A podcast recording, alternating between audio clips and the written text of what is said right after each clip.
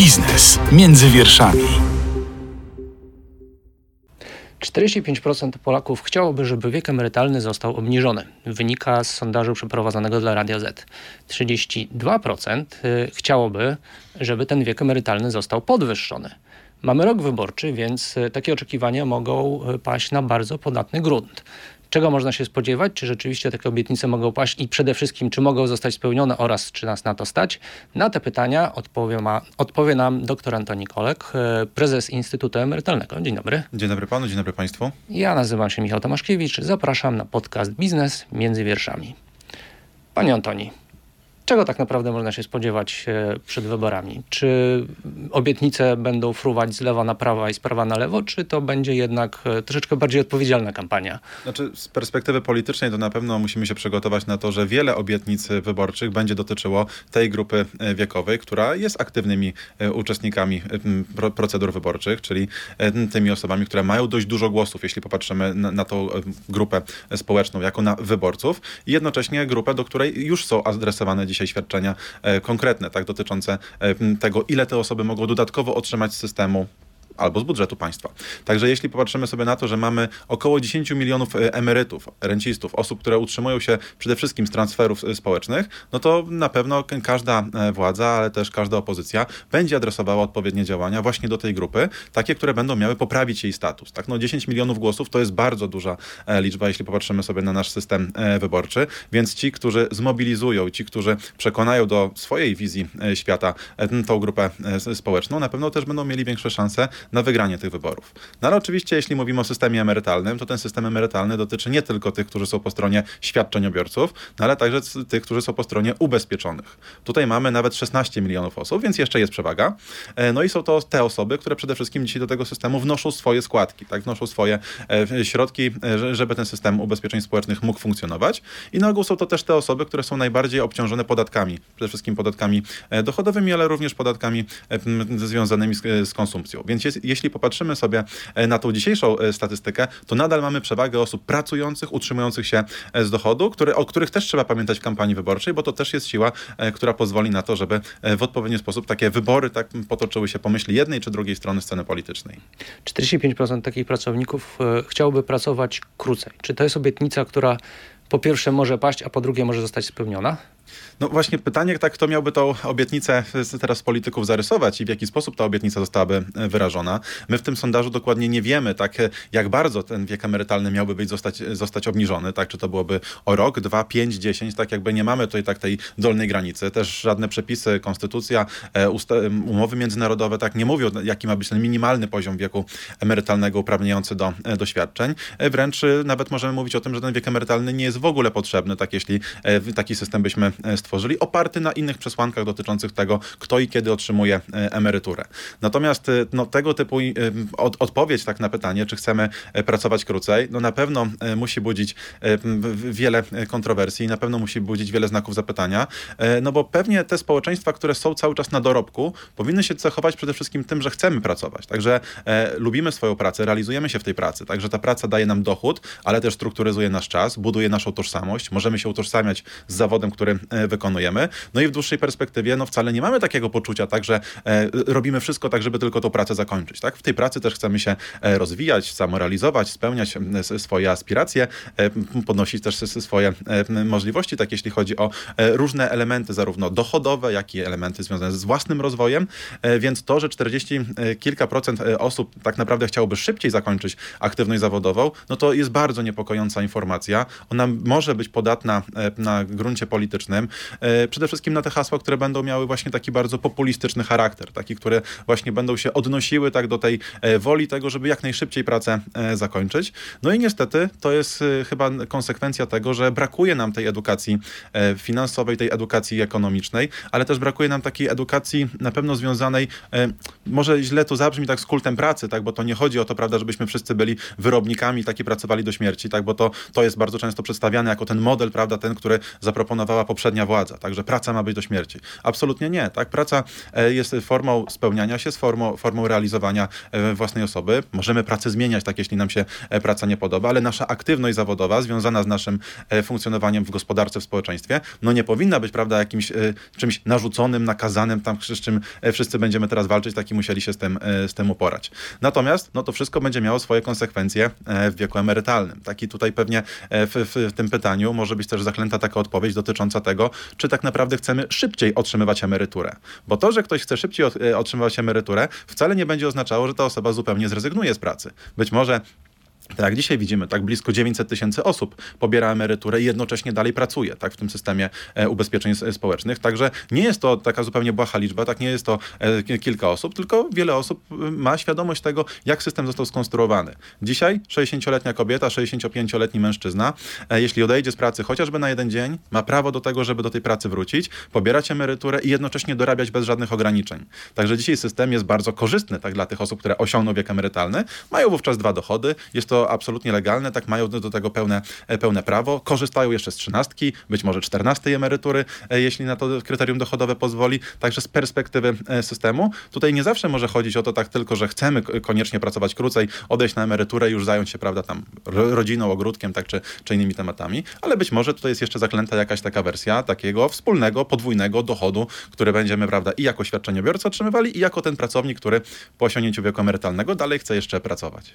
Pytanie brzmi, czy y, ci emeryci chcą, czy muszą sobie dorabiać? Tak, oczywiście. Tak, w naszym systemie, no tutaj jakby wszelkie e, pomysły tak dotyczące zmiany tak tego, e, tych przepisów pozwalających na to dorabianie do emerytury, no są absolutnie e, no, pewnie niedopuszczalne, no bo z jednej strony są to te osoby, które mają taką możliwość, taki porozumieją się ze swoim pracodawcą albo znajdą sobie inną pracę. Ale oczywiście mamy też te osoby, tak, które są na groszowych świadczeniach. E, tych osób przybyło nam w ostatnich e, kilku latach, no kilkukrotnie. Tak, mamy dzisiaj nawet ponad 350 tysięcy osób, które w Polsce otrzymuje emeryturę niższą niż ustawowo najniższa emerytura. Tak, także e, to pokazuje, że to jest na pewno ta grupa osób, która, no jeśli no, nie pójdzie do pomocy społecznej, no to właśnie musi dorabiać. Tak, więc, a być może takie te trzy źródła dochodów wtedy muszą być brane pod uwagę.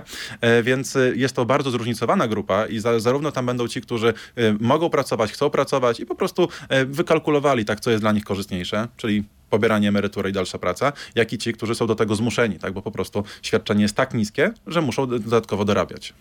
E, panie Antoni, wspominał Pan, że Polacy nie są do końca wyedukowani w e, kwestii tego, czym tak naprawdę jest wiek emerytalny i jak wpływa na wysokość emerytury. Czy możemy jakoś oszacować, jak podwyższenie wieku emerytalnego przez rząd PO wpłynęło na potencjalną wysokość przyszłych emerytur, gdyby ta e, reforma została utrzymana i o ile następny rząd, rząd PiS obniżył te emerytury, e, które no, są, jak pan wspomniał, bardzo, bardzo niskie, obniżając wiek emerytalny z powrotem. To tutaj jakby dwie rzeczy, tak? Raz z perspektywy takiej indywidualnej i raz z perspektywy makroekonomicznej całego państwa. Jeśli chodzi o osoby, które pracują, tak? czyli te osoby, które są dzisiaj ubezpieczone, które zastanawiają się nad tym, tak, w którym momencie odejść na emeryturę, no to tutaj zgodnie z danymi Zakładu Ubezpieczeń Społecznych, ale też prostymi kalkulacjami, tak? Każdy rok dłuższej pracy to jest mniej więcej 12% wyższe świadczenie, tak? Czyli jeśli ktoś miałby mieć świadczenie na poziomie 1000 zł, no to 120 zł dodatkowo, tak za każdy rok pracy tego świadczenia miesięcznego e, ten, taka osoba otrzyma. I w drugą stronę również to działa, tak? Czyli ta matematyka jest w dwie strony, tu może nie 12%, ale około e, pewnie 10, tak? Bo e, mamy tutaj także do czynienia z, z kwestiami każdy waloryzacji. Rok, każdy rok krótszej pracy to jest emerytura niższa o 10%? Mniej więcej o 10%, tak? Każdy rok, kiedy obniżamy tak ten E, ten, ten moment odejścia na emeryturę, znaczy przybliżamy tak ten moment, e, zamiast go oddalać, to jest mniej więcej tak te 10%, które e, na tym tracimy. Tak, w związku z tym, jeśli popatrzymy na to, jak wyglądało tak to przy podnoszeniu wieku emerytalnego, no to można powiedzieć tak, że nawet do 20% to była ta strata, którą odczuli przede wszystkim mężczyźni, bo to w przypadku mężczyzn tak ten wiek emerytalny zostałby szybciej podniesiony, tak do 2020 roku miało być to już 67 lat i to te osoby by przede wszystkim odczuły tak te wyższe świadczenia, tak, które otrzymują. To też jest paradoks w naszym systemie, tak? no bo mężczyźni i tak otrzymują wyższe świadczenia niż kobiety, no właśnie ze względu między innymi na to, tak, że mamy ten nierówny wiek emerytalny. No właśnie, może warto też powiedzieć, w jaki sposób ZUS oblicza emerytury i dlaczego, stąd te różnice wynikające y, między emeryturami kobiet i mężczyzn, wynikające właśnie z różnic w wieku emerytalnym. E, dzisiaj przede wszystkim na emeryturę odchodzą te osoby, które urodziły się po 1949 roku, tak? czyli mamy zastosowanie w tym przypadku e, do tej grupy osób, które obliczenie emerytury opiera się na wypracowanym kapitale. Ten kapitał składa się z kapitału początkowego, czyli takiej hipotetycznej, odtworzonej wartości wszystkich składek, które zapłaciliśmy przed 99 rokiem i tych faktycznie odprowadzonych składek po 99 roku. Kapitał początkowy musimy obliczyć na podstawie dokumentów. Kapitał ten składkowy jest na bieżąco obliczany w Zakładzie Ubezpieczeń Społecznych. E, są to środki ewidencjonowane na koncie i na subkoncie tego ubezpieczonego, więc z chwilą, kiedy osiągamy wiek emerytalny, mamy tak naprawdę gotowy licznik, tak, czyli tą wartość w liczniku, którą będziemy e, brali pod uwagę do obliczenia e, emerytury. Natomiast mianownik to jest nasze przeciętne dalsze trwanie życia wyrażone w miesiącach, które jest prezentowane co roku przez Główny Urząd Statystyczny. No, prognozy mówiły, że to będzie rosnąć, taki, że z, z, każdym rokiem jako Polacy będziemy coraz dłużej żyli. E, w związku z tym, prawda, e, ten, ten, ten, licznik, ten mianownik, prawda, będzie coraz wyższy, w związku z tym wysokość świadczenia będzie się zmniejszała. No, pandemia trochę nam zweryfikowała tak te, e, ale te dane. Sztucznie i być może, prawda, to za jakiś czas odrobimy, ale już rok 2019, tak, to był pierwszy sygnał, że faktycznie coś się zadziało, bo wówczas to przeciętne dalsze trwanie życia nieznacznie spadło dla całej populacji. Więc jeśli na to popatrzymy, tak, to pewne czynniki tak już od odczuwamy. E, pewnie w najbliższych latach będziemy odbijali, taki faktycznie znowu będziemy e, dłużej żyli jako, e, jako społeczeństwo. Natomiast teraz no, faktycznie korzystamy niejako tak z tego, że no, demografia była nieubłagana w trakcie pandemii i wiele osób odeszło z tego świata, no co przełożyło się na skrócenie tak, tego średniego trwania życia. W związku z tym świadczenia są nieco wyższe tak niż powinny być Stąd pandemii. pojawiły się między innymi pomysły, żeby szybko gdzieś dorobić i poprosić o przeliczenie emerytury, bo wtedy nawet z tym samym kapitałem E, ta emerytura była wyższa. E, tylko dla tych osób oczywiście, które są uprawnione tak, tak, do, tego, tak, tak. do tego przeliczenia. Jeszcze za chwilę może o przeliczeniu powiem. Natomiast ten e, kapitał emerytalny, tak, który zgromadzimy, czyli mhm. ten kapitał początkowy plus kapitał składkowy, dzielimy przez to średnie dalsze trwanie życia i to jest wysokość naszej emerytury. Brutto, tak? To też warto powiedzieć. E, tutaj rząd na ulotkach pisał tak w zeszłym roku, wprowadzając Polski Ład, że emerytura do 2,5 tysiąca złotych jest wolna od podatku. No nie jest wolna, tak? Faktycznie e, ze względu na kwotę wolną, tak ona nie jest opodatkowana, bo nie widzimy tego, tak? Ale jak najbardziej jest podstawa opodatkowania, więc gdybyśmy dorobili coś do tej emerytury, no to wiąże się to oczywiście z tym, że no zarabiamy, prawda, już ponad tak tą, e, tą kwotę, tak? Więc to jak najbardziej jest opodatkowane. Plus ma, emeryci płacą w Polsce 9% składkę zdrowotną. Tak, tak Jeśli... jak wszyscy, która, i przy czym składka według rządu nie jest podatkiem. E, przy czym oczywiście składka zdrowotna według rządu nie jest e, podatkiem, możemy powiedzieć spokojnie, że jest parapodatkiem, natomiast jest to jedna z najwyższych składek zdrowotnych w całej Unii Europejskiej. Tak, jeśli popatrzymy sobie na to, jakie są obciążenia emerytur, właśnie te dotyczące danin publicznych w, Polsce na tle innych państw Unii Europejskiej, no to jesteśmy jednym z tych krajów, gdzie mamy i opodatkowane, i oskładkowane świadczenia emerytalne. Przy czym faktycznie ta składka zdrowotna jest jedną z najwyższych, wyższą czy porównywalną mają tylko Holendrzy, czy mieszkańcy Niderlandów. E, wszystkie inne państwa tak naprawdę mają o wiele niższą składkę e, zdrowotną, a niektóre państwa w ogóle nie mają składki zdrowotnej. Także e, jeśli tutaj chcielibyśmy na to popatrzeć, to polscy emeryci nie dość, że wcale tak dużo tego świadczenia otrzymują, to jeszcze to świadczenie jest obłożone daninami publicznymi i też nie ma co ukrywać, na wyższej waloryzacji zawsze będzie zyskiwał zarówno fiskus, no bo więcej osób będzie wpadało, czy to w pierwszy, no pewnie rzadko kiedy, tak w drugi próg podatkowy, ale tak samo Narodowy Fundusz Zdrowia, no bo ta 9% składka będzie obliczana od wyższej wysokości. Także to też są beneficjenci tak tej e, waloryzacji, o czym pewnie nie zawsze się e, mówi.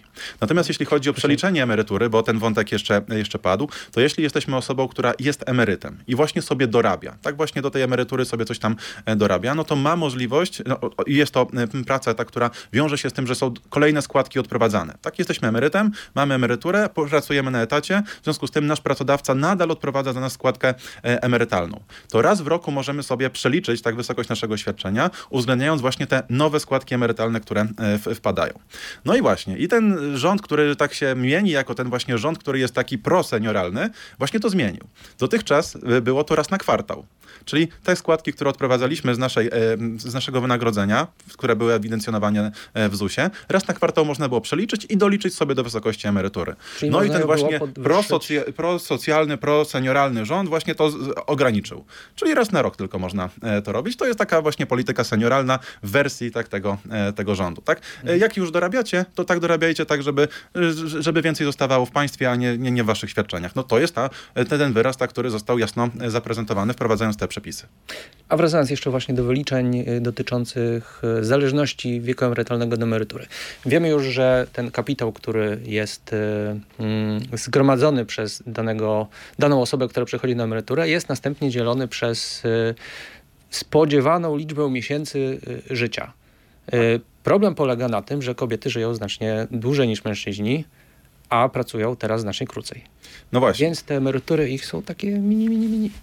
Co prawda przy obliczaniu tak tego średniego dalszego trwania życia bierzemy tablice uniwersalne tak dla obu płci, więc jakby tutaj nie ma tak tego zróżnicowania, no ale faktycznie tak jest, także zgodnie e, z e, danymi Głównego Urzędu Statystycznego kobiety w Polsce żyją dłużej, tak nawet e, znacznie dłużej, nawet 8 lat dłużej tak niż, niż mężczyźni. 22 lata po przejściu na emeryturę, tak? To jest chyba ten Nawet 22 wiek, lata po przejściu a, na, na emeryturę. A mężczyźni ile czasu pobierają świadczenie? No tutaj jest około 8-9 lat, tak, po, po przejściu na emeryturę. Także Czy, no jest to... czyli kapitał kobiet dzieli się przez 22 lata razy 12 miesięcy, a kapitał mężczyzn przez te 8 Nie do końca, 9? nie do końca, ponieważ tablice są właśnie wspólne tak dla obu płci, tak? Czyli tutaj jakby nie mamy tego zróżnicowania. Czyli jeśli mamy osobę, która przechodzi na emeryturę w wieku 60 lat, to nie patrzymy na jej płeć, tylko patrzymy, prawda, ile tej osobie jeszcze zostało tak tego średniego dalszego trwania życia, jakby łącznie w populacji, tak bez podziału na płeć. Jak mamy osobę, która przechodzi na emeryturę w wieku 65, tak samo patrzymy tak mm, w sposób uniwersalny tak na, na tą wartość. To jest teraz dla osoby, która ma 65 lat, GUS szacuje, że ta osoba będzie żyła jeszcze 196 miesięcy. Przez 196 miesięcy ta osoba będzie pobierała świadczenie i właśnie przez tyle, przez taką wartość tak dzielimy tak ten łącznie e, zgromadzony e, kapitał, tak, który w, w Zakładzie Ubezpieczeń Społecznych jest e, obliczony.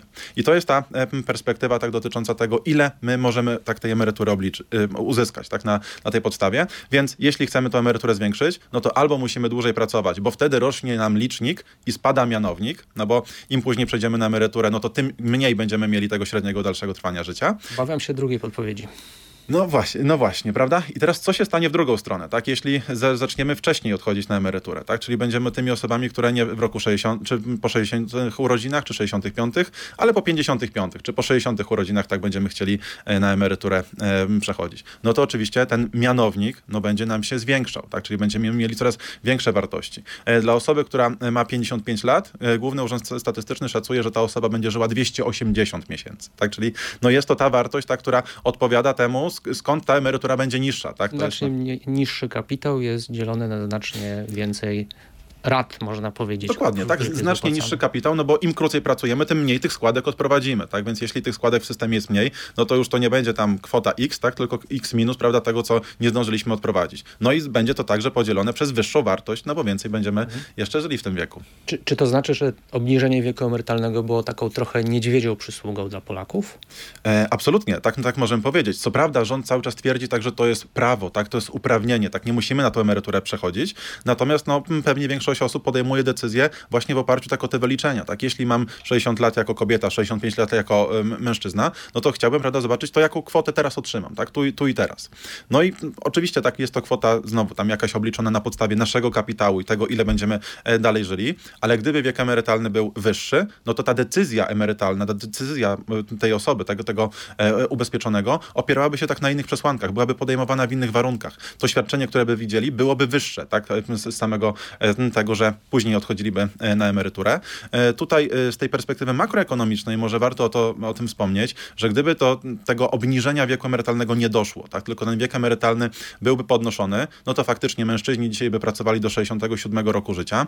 Kobiety jeszcze nie, bo to też warto powiedzieć tak, że to nie była podwyżka wieku emerytalnego z dnia na dzień, tak? Z perspektywy systemu emerytalnego kobiety na, w 67 roku życia na emeryturę odchodziłyby w roku 2040, tak? Czyli Zdaje zdaje się, to był miesiąc na kwartał, tak? E, w przypadku e, kobiet tak, e, tak, to, to była ta, ta, ta metoda. No, jakby wiązało się to z tym tak, że dopiero po, po tych kilkunastu, tak, czy kilkudziesięciu nawet latach, bo rozpoczęliśmy, prawda, to jeszcze kilka lat temu, tak, podnoszenie wieku emerytalnego, dopiero w 2040 roku tak miałoby być to pełne zrównanie wieku emerytalnego, więc no, warto też na to zwrócić uwagę, że to nie było jednorazowe. I teraz warto też powiedzieć o tym, że o ile w przypadku tych osób, które faktycznie w 2013-2014 roku miały przejść na emeryturę, tak to to były osoby, które e, zaczynały swoją pracę w latach 80., pewnie pamiętają tak e, transformację lat 90., pewnie mogły ich dotknąć zjawiska dotyczące bezrobocia, e, umów śmieciowych, tak, które nie były obowiązkowo składkowane, więc dla tych osób faktycznie no mogła to być jakaś rekompensata tak za to, że rzeczywiście tak żyły w trudnych warunkach, ale system emerytalny tworzymy na pokolenia, tak to o czym pan premier wspomniał ostatnio, także mówimy tutaj o kilku pokoleniach, tak, które w tym systemie emerytalnym funkcjonują. W związku z tym dzisiaj mówienie o tym tak, że e, no, do 2040 roku będziemy mieli dalej tak niski wiek emerytalny, no to wiąże się z tym, że po prostu wszyscy będziemy mieli najniższe emerytury. Tak? Nie będzie tutaj możliwości, prawda, żeby uzbierać dużo więcej kapitału i jednocześnie tak to nasze dalsze trwanie życia pewnie się jednak będzie wydłużało tak z perspektywy zmian cywilizacyjnych. W związku z tym no, wysokość tego oświadczenia będzie raczej na poziomie tej najniższej emerytury dla przeważającej większości e, społeczeństwa, a właśnie system emerytalny powinniśmy planować na lata. Jasne, tak można argumentować, że obniżenie miało jakiś sens tak dla pewnych roczników, ale z drugiej strony tak powinniśmy pomyśleć, a co dalej, tak? A tutaj zostaliśmy trochę w takiej pułapce na zasadzie, że teraz tego wieku emerytalnego trochę się nie da podnieść, tak? Żadna partia polityczna nie przyjdzie i nie powie, że e, podniesie wiek emerytalny, no bo jak widzieliśmy w sondażu, tak jest to bardzo niepopularne, tak? Wiąże się to... 30% to jednak jest zaskakująco dużo, E, biorąc to jest dobra tego, informacja. można się było spodziewać. To jest dobra informacja, tak? To znaczy, że te e, 30% tak zaczęło e, myśleć, tak zaczęło e, kalkulować, tak zaczęło e, zastanawiać się nad tym, tak, a kto ten system finansuje, tak, a w jaki sposób ten system e, działa, tak, a co z moją emeryturą, tak? Więc to jest dobra informacja, tak, że e, no, do tak dużego grona udaje się e, dotrzeć, tak, z tym przekazem, mówiącym o tym, tak, żeby się zastanowić, tak, czy na pewno to obniżanie wieku emerytalnego za wszelką cenę, tak, to jest takie właściwe, dobre rozwiązanie. Jeśli popatrzymy też na porównanie międzynarodowe, to Pol Polki mają najniższy wiek emerytalny w całej Unii Europejskiej, tak, te 60 lat kobiet. To jest najniższa wartość z, perspek- z perspektywy e, kobiet w Unii Europejskiej. W Austrii tak jest ten, ten, także 60 lat. Natomiast cały czas się mówi tak o tym, że będzie to podnoszone, e, stopniowo e, zrównywane. Zresztą to też jest tendencja tak, do tego, żeby zrównywać wiek emerytalny kobiet i mężczyzn, no bo pewnie nie ma za bardzo argumentów tak mówiących o tym, tak, że faktycznie kobiety powinny wcześniej tak odchodzić e, z rynku pracy. E, Kiedyś takim argumentem było to tak, że niech ta sta- e, starsza pani tak zajmie się już wnukami, zajmie się e, innymi członkami rodziny, tak i tak dalej.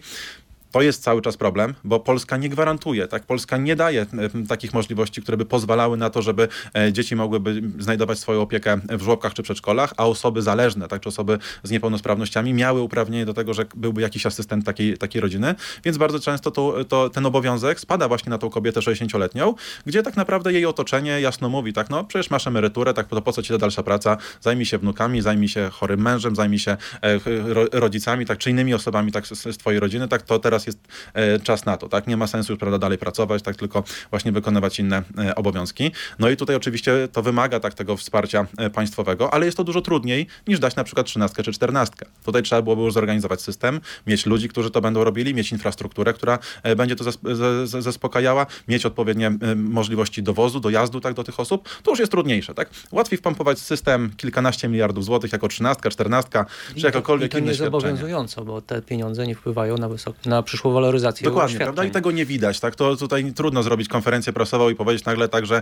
e, udało nam się e, z, z, doprowadzić do tego, tak, że ileś osób tak nie będzie musiało odchodzić na, na emeryturę, bo ich e, najbliżsi tak będą mieli tą opiekę organizowaną przez samorząd, państwo, tak, czy przez or- organizacje pozarządowe. To jest dużo trudniej, tak? Dużo łatwiej wyjść na konferencję i powiedzieć tak, że dostaniecie przelew tak 1500 zł. Ale też co się dzieje. Ale wracając jeszcze do wieku emerytalnego. Mówiliśmy o nim z punktu widzenia przyszłych emerytów. A jak to wygląda z punktu widzenia systemu? Co tam się dzieje między wierszami, że słyszymy od rządu na przykład, że efektywny wiek emerytalny musi zostać podwyższony, albo że w tym roku będzie kolejny autozapis do PPK, po to, żeby te przyszłe świadczenia y, były troszeczkę wyższe niż te, które y, y, zagwarantuje nam ZUS. No, nikogo nie obrażając, no mamy trochę do czynienia z takim rozdwojeniem jaźni. Tak? No, z jednej strony mówimy, prawda, że e, niski wiek emerytalny jest dobry, przywróciliśmy godność, dajemy uprawnienie do tego, żeby jak najszybciej na tą emeryturę odchodzić. Z drugiej strony rząd jasno mówi, także no, powinniśmy promować tak dłuższą aktywność zawodową. E, w k- Krajowym Planie Odbudowy rząd sam zobowiązał się do tego, tak, że będzie podnosił ten efektywny wiek emerytalny, czyli ten wiek, kiedy Polacy faktycznie na emeryturę e, przechodzą, tak żeby to nie było od razu po osiągnięciu wieku emerytalnego, tylko jakiś tam czas e, później. Została wprowadzona, tak, zostało wprowadzone zwolnienie podatkowe zachęcające tak do, do tego. Jak to skalkulujemy, to pewnie mało komu się opłaca, tak, ale no, zostało wprowadzone, tak, więc no, i można się wykazać, tak, że coś się faktycznie e, w tym zakresie zrobiło. Z drugiej strony, no wszyscy mamy to przekonanie o tym, tak, że te świadczenia już dzisiaj tak są na takim poziomie, który w większości tak nie pozwala na to, żeby samodzielnie się z tego utrzymywać. Tak, i też pewnie wszyscy mamy e, tego świadomość. E, A dzisiaj tak jesteśmy w bardzo dobrej sytuacji, tak? Bo tak jak powiedziałem, tak przy obliczaniu tak wysokości tej e, emerytury, no to dzisiaj patrzymy też jeszcze na ten kapitał początkowy. Te osoby, które pracują dopiero po 99 roku, te osoby no, nie będą miały żadnego kapitału początkowego, tak? One nie, nie będą do tego uprawnione, w związku z tym ich świadczenie ich kapitał emerytalny, to będzie w całości to, co same odprowadzą do systemu. Tak? Tutaj już nie będzie żadnych, żadnej hipotetycznej kwoty tak sprzed 99 roku, a jeżeli tak, no to te świadczenia będą bardzo niskie. Tutaj nawet sam ZUS prognozuje, tak, że te świadczenia będą na poziomie dwudziestu kilku procent, tak, i też um, Polski Fundusz Rozwoju też e, prezentując informacje tak dotyczące PPK też o tym mówi, także te świadczenia w przyszłości będą bardzo niskie. Wobec tego, drodzy obywatele, musicie budować swoje dodatkowe oszczędności, tak musicie budować swoje dodatkowe środki. Więc e, zamiast jakby zwrócić się tak ku tym rozwiązaniom, które są naprawdę najłatwiejsze tak do, do wprowadzenia i wprowadza je cała Europa, tak, bo cała Europa ma podobne e, uwarunkowania dotyczące swojej demografii, czyli trzeba podnosić wiek emerytalny, bo e, e obywatele tych państw e, żyją coraz dłużej. Tutaj też e, warto na przykład znowu tak do, nawiązać tutaj e, do tych Niderlandów, e, gdzie wiek emerytalny został odpolityczniony. Tam nie ma dyskusji tak dotyczącej tego, tak czy będziemy prawda, teraz podnosili o kwartał, czy będziemy obniżali o kwartał wiek emerytalny. Tam zostało to przyjęte w taki sposób, że to demografia o tym decyduje, nie politycy, to demografia. Tak? I jeżeli kolejne roczniki żyją dłużej, no to jest wtedy decyzja tak o tym, że automatycznie podnosimy Czyli wiek emerytalny, wiek emerytalny dla danej grupy. Wyliczany wzorem, a nie decyzją polityczną. Wzorem, a nie decyzją polityczną. Dokładnie. I w Polsce też powinniśmy do tego dążyć, tak żeby wiek emerytalny nie był przedmiotem tarć politycznych, właśnie nie był przedmiotem e, takich dyskusji tak na poziomie e, sondaży. Przyjmijmy to, że to jest nasze uwarunkowanie prawie że zakorzenione w biologii, tak, które e, wiąże się z tym, jak funkcjonuje państwo, jak państwo jest e, stabilne i w jakiej perspektywie możemy w ogóle mówić tak o tym, że ten e, system tak będzie dla nas e, wszystkich dobry.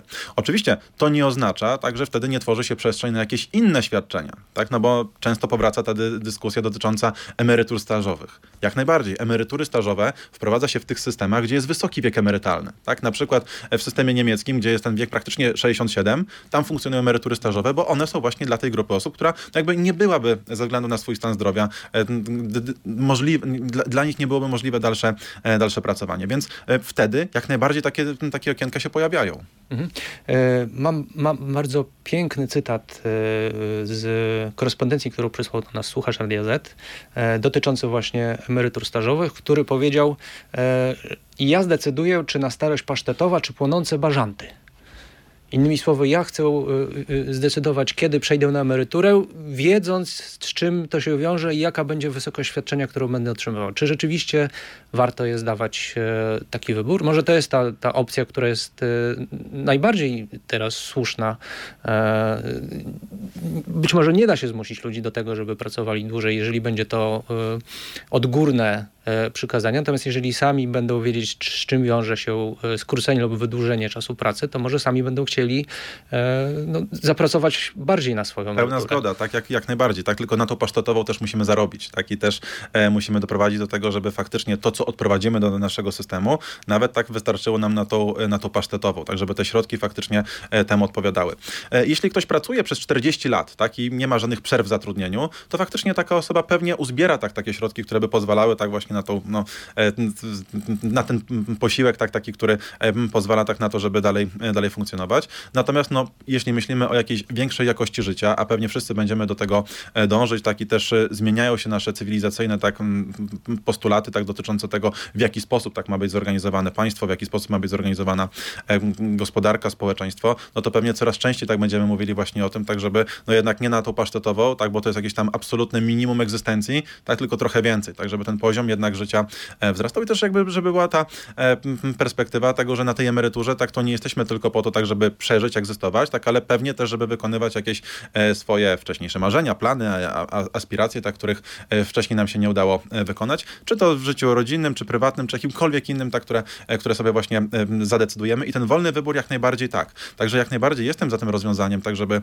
emerytury stażowe były w systemie, tylko zawsze jest pytanie tak o to, to jakie będą inne parametry tego systemu. Tak, jeśli wiek emerytalny będzie 67, no to pewnie większość osób by się zgodziła, także faktycznie po tych 45 latach pracy, no jest to zasadne, tak żeby te osoby e, miały uprawnienie tak do takiej e, emerytury stażowej. Tak, tylko jeśli mówimy o tym tak, że dzisiaj wiek emerytalny jest 60-65, tak, a do tego jeszcze byśmy dołożyli emerytury stażowe po na przykład 30 latach pracy, tak, no to nagle się oka okaże, tak, czy może się okazać, że będziemy mieli bardzo, bardzo młodych e, emerytów, no, którzy tak naprawdę wcale nie potrzebują jakiegoś większego e, świadczenia.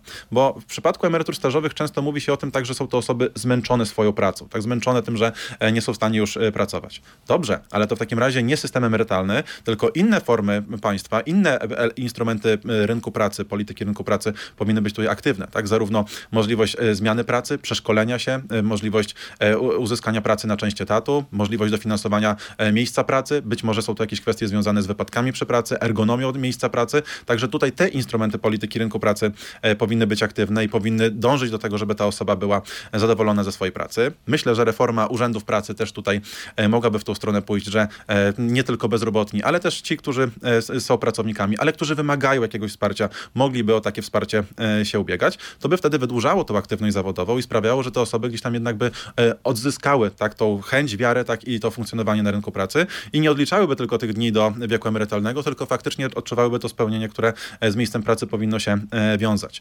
Natomiast no, mm, sprowadzanie wszystkiego tak, że to w takim razie najłatwiej będzie otrzymać świadczenie, no, jest trochę taką formą trochę iścia, pójścia na łatwiznę, tak? taką formą, e, która nie wiąże się z tym, że rozwi- faktycznie rozwiązujemy jakiś problem społeczny, tylko prawda, wyciszamy ten problem, tak, tak żeby on e, nam nie do wybuchał.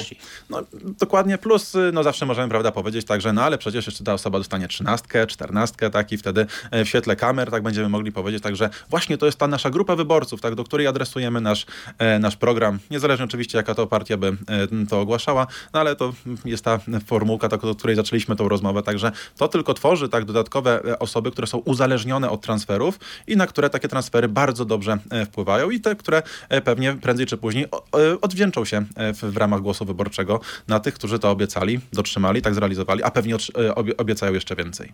To na jakie emerytury wyborcze y, zamiast kiełbas wyborczych możemy liczyć w tym roku? Czy rzeczywiście emerytury stażowe będą ważnym elementem kampanii? Czy jest szansa, że zostaną wprowadzone? No, y, z, z tego, co pamiętamy, tak, to w kampanii prezydenckiej one zostały obiecane. Od tego czasu no, nie zostały zrealizowane. Tak? E, Co więcej, zarówno pan premier, jak i pan prezes tak mówili o tym, także emerytury stażowe, no, to nie jest dobre rozwiązanie. Tutaj padał argument, tak, że to jest tak naprawdę drugi dochód, że to miałby być drugi dochód, że te osoby dalej by pracowały, tak, otrzymując właśnie to. Nawet padły słowa, że kobiety, które przechodziłyby na emerytury stażowe, to są tak naprawdę młotki, więc po No co właśnie, no właśnie, tak więc jeśli te, w ten sposób patrzymy na, na, na to zagadnienie, to jest to absolutnie złe, złe patrzenie, to jest zła diagnoza. Ta diagnoza powinna z punktu, dotyczyć... z punktu widzenia y, potencjalnych beneficjentów i systemu emerytalnego tak, ale z punktu widzenia wyborów No właśnie, prawda? Z punktu widzenia wyborów też nie jest do końca logiczne, tak? Bo przecież można by było obiecać, tak? I tak jak to pojawiło się w kampanii e, prezydenckiej, także wdrożymy, wdrożymy, zapewniamy i tak dalej, po czym no, to się nie do końca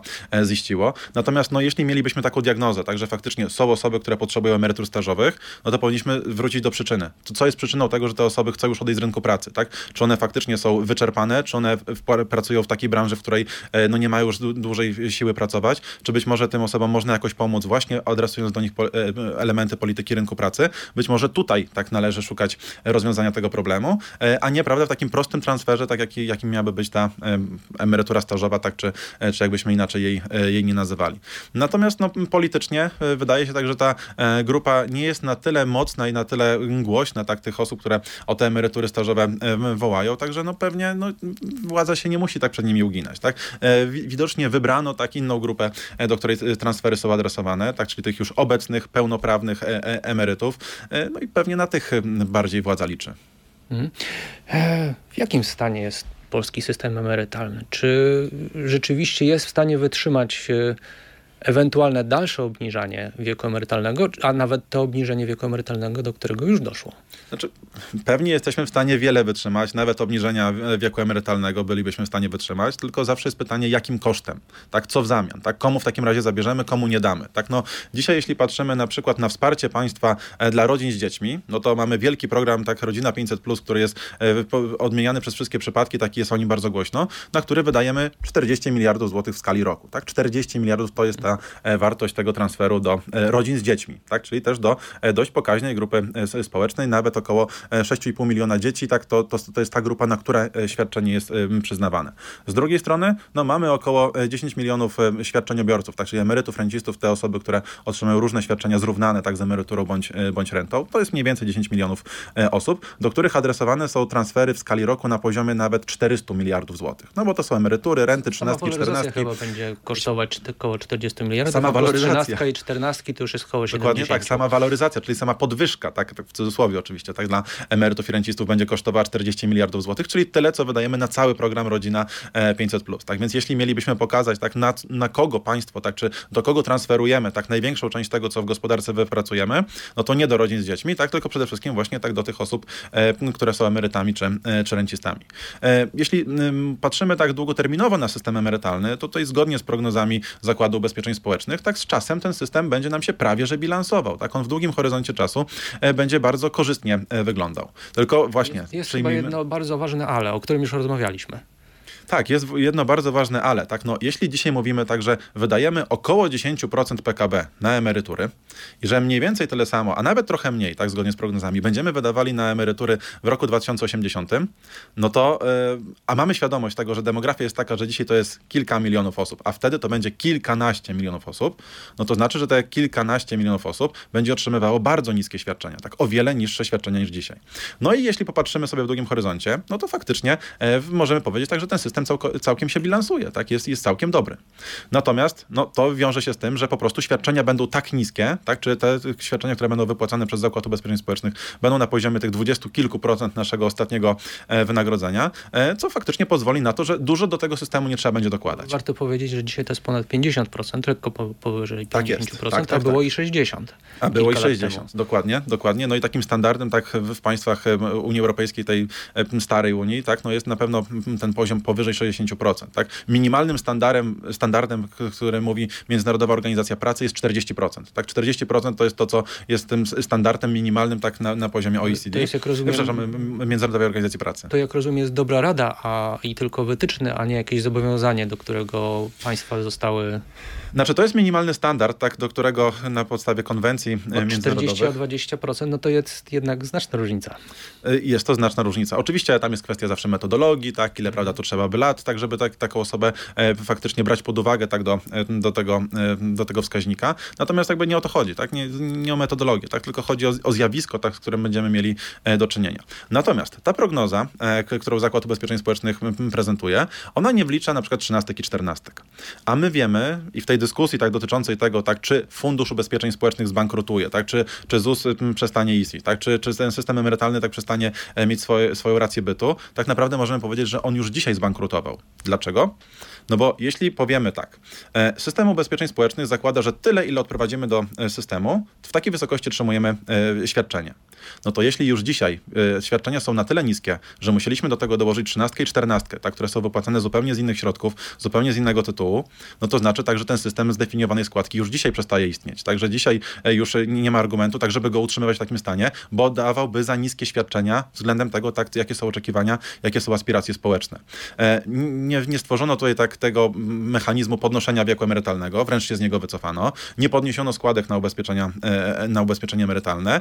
E, Zdecydowano się na to tak, żeby wprowadzić dodatkowe świadczenia, które no, mają bardziej charakter zdefiniowanego świadczenia. Czyli my tak naprawdę już dzisiaj przyznaliśmy jako, jako państwo, że system zdefiniowanej składki u nas się nie sprawdził. Tak, musimy wprowadzać inne świadczenia, bo inaczej ten system by po prostu nie funkcjonował, tak nie spełniałby swojej e, roli, tak mielibyśmy e, protestujących emerytów, tak czy mielibyśmy osoby, które e, bardzo głośno tak by mówiły, że no, ten system, w którym, na który się umawiały, no, nie, nie, nie, spełnia ich oczekiwań, tak nie realizuje ich potrzeb. Jak najbardziej jest to racja. Tak system zdefiniowanej składki w Polsce, e, no niestety nie, nie funkcjonuje tak, jak powinien funkcjonować. Dlatego rząd ratuje się kolejnymi dodatkowymi świadczeniami po to, żeby e, faktycznie e, zaspokoić potrzeby tych osób, które są uzależnione od transferów systemu ubezpieczeń społecznych. Skąd na to pieniądze i na jak długo wystarczą?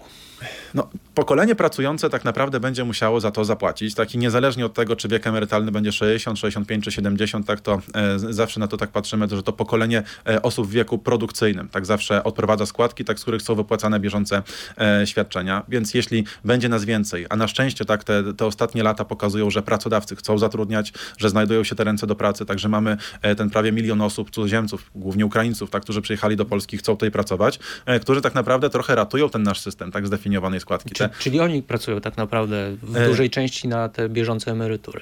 Jak najbardziej, tak? Znaczy oczywiście powiedzmy tak, że wszyscy Polacy tak pracujemy na te bieżące emerytury. Jak najbardziej jest to e, bardzo dobrze także, że pracujemy, że jest to praca legalna, od której są odprowadzane składki. E, tak samo także coraz lepiej zarabiamy zarabiamy. Oczywiście tutaj pewnie jest to kwestia matematyczna, także że nominalnie nam wychodzi, że jest coraz lepiej, tak i coraz wyższe są wpływy do Funduszu Ubezpieczeń Społecznych. Natomiast realnie, gdybyśmy na to popatrzyli, no to każdy ma tą, tą świadomość, także inflacja trochę nam zjadła tak, te, te wynagrodzenia. Także co z tego, że więcej zarobiliśmy? Faktycznie składka jest odprowadzona od wyższej kwoty, więc mamy wyższą składkę, no ale realnie tak za te pieniądze możemy coraz mniej kupić. No. Bardzo, bardzo obrazowo można powiedzieć, że inflacja w zeszłym roku zabrała nam dwa, dwie, dwie pensje. Dwie pensje, dokładnie. Pracowaliśmy 12 miesięcy, miesięcy, tak wynagrodzenie dostaliśmy za 10. Tak, tak to można e, pokazać, tak, jeśli chodzi o te wskaźniki inflacji, e, co oczywiście jest bardzo dużym zagrożeniem. Tak? Jeśli e, mamy też myśleć o tym, tak, że nasze społeczeństwo ma się rozwijać, tak, i nasza gospodarka ma się rozwijać, to my jako Polska powinniśmy już stworzyć dzisiaj ofertę dla osób z innych państw, nie tylko ze wschodu Europy, tak, tylko z, także z zachodu Europy, tak żeby także te osoby przyjeżdżały do Polski, zakładały tutaj swoje firmy, zakładały tutaj swoje rodziny, płaciły tutaj podatki, tak żeby były tymi osobami, które w przyszłości będą budowały naszą